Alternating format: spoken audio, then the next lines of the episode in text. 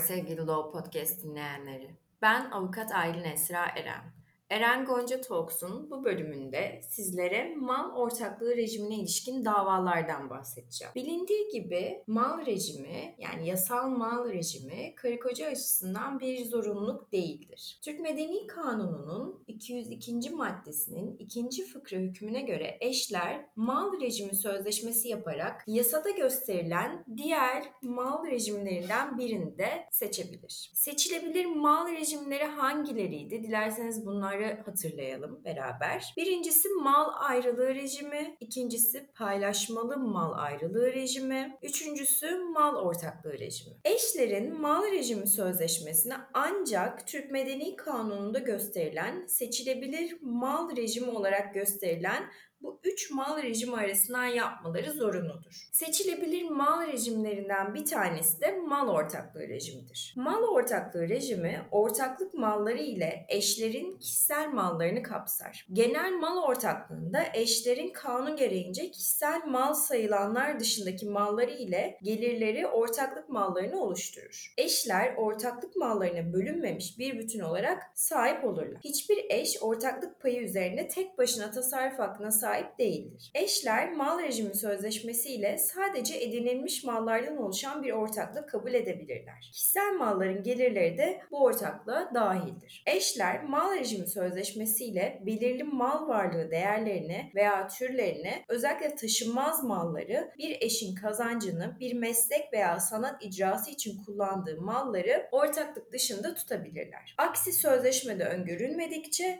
bu malların gelirleri ortaklığa dahil değildir. Mal ortaklığı rejimi hangi hallerde son bulur? Örneğin eşlerden birinin ölümü, diğer bir mal rejiminin kabul edilmesi, eşlerden biri hakkında iflasın açılması durumlarında mal ortaklığı rejimi son bulacaktır. Mal ortaklığı rejimi hangi durumlarda dava tarihinden itibaren geçerli olmak üzere sona erer? Mahkeme tarafından evlilik iptal sebebiyle sona erdirilmişse, evlilik boşanma sebebiyle sona erdirilmişse, verilmişse ya da mal ayrılığına geçilmesine karar verilmişse ortaklık malları ile kişisel malların kapsamının belirlenmesinde mal ortaklığının sona erdiği tarih esas alınır. Peki mal ortaklığı rejimine ilişkin bir dava açmak için nasıl bir dilekçe yazmamız gerekiyor? Öncelikle dilekçemizi aile mahkemesine hitaben yazmamız gerekiyor. Aile mahkemesinin bulunmadığı yerlerde aile mahkemesi sıfatıyla Asya Hukuk Mahkemesi'ne hitaben bir dilekçe hazırlamamız bekleniyor. Her dilekçede olduğu gibi davacı davalı ve varsa vekil bilgilerinin yazılması gerekiyor. Dava konusuna örneğin konut üzerinde ortaklık payına mahsuben mülkiyet hakkı hakkı tanınması davası yazılabilir. Vakaları detaylıca ve delillerimizle anlatmamız gerekiyor. Talep olarak da yine ne talep, edi- ne talep ediyorsak, hangi mal ortaklığını istiyorsak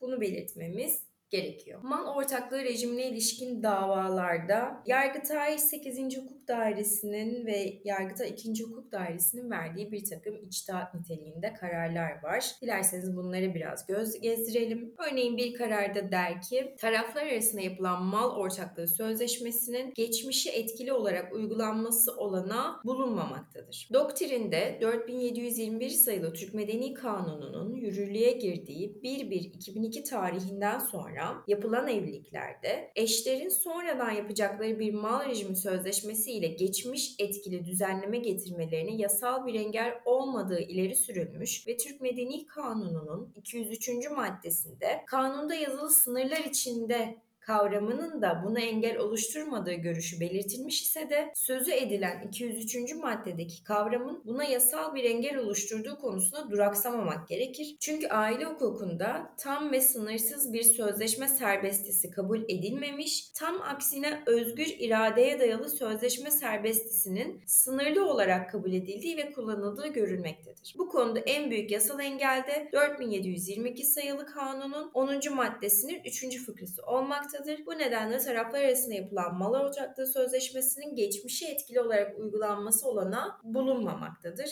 demiştir. Diğer bir kararda ise edinilmiş mallara katılma rejimi geçerli ise mal ortaklığı rejimi uygulanamaz demiştir. Dosyadaki yazılara bozmaya uygun işlem ve araştırma yapılmış olmasına, delillerin takdirinde bir yanlışlık bulunmamasına ve özellikle davalar arasında edinilmiş mallara katılma rejimi geçerli olup Türk Medeni Kanunu'nun 210. maddesinin mal ortaklığı rejiminde tatbik edilebileceğine göre hükmün onanmasına karar vermiş Yargıtay 2. Hukuk Dairesi. Evet sevgili Law Podcast dinleyen, Eren Gonca Talks'un bu bölümünde sizlere mal ortaklığı rejimine ilişkin davalardan bahsetmeye çalıştım. Bir sonraki Law Podcast bölümümüzde görüşmek üzere, hoşçakalın.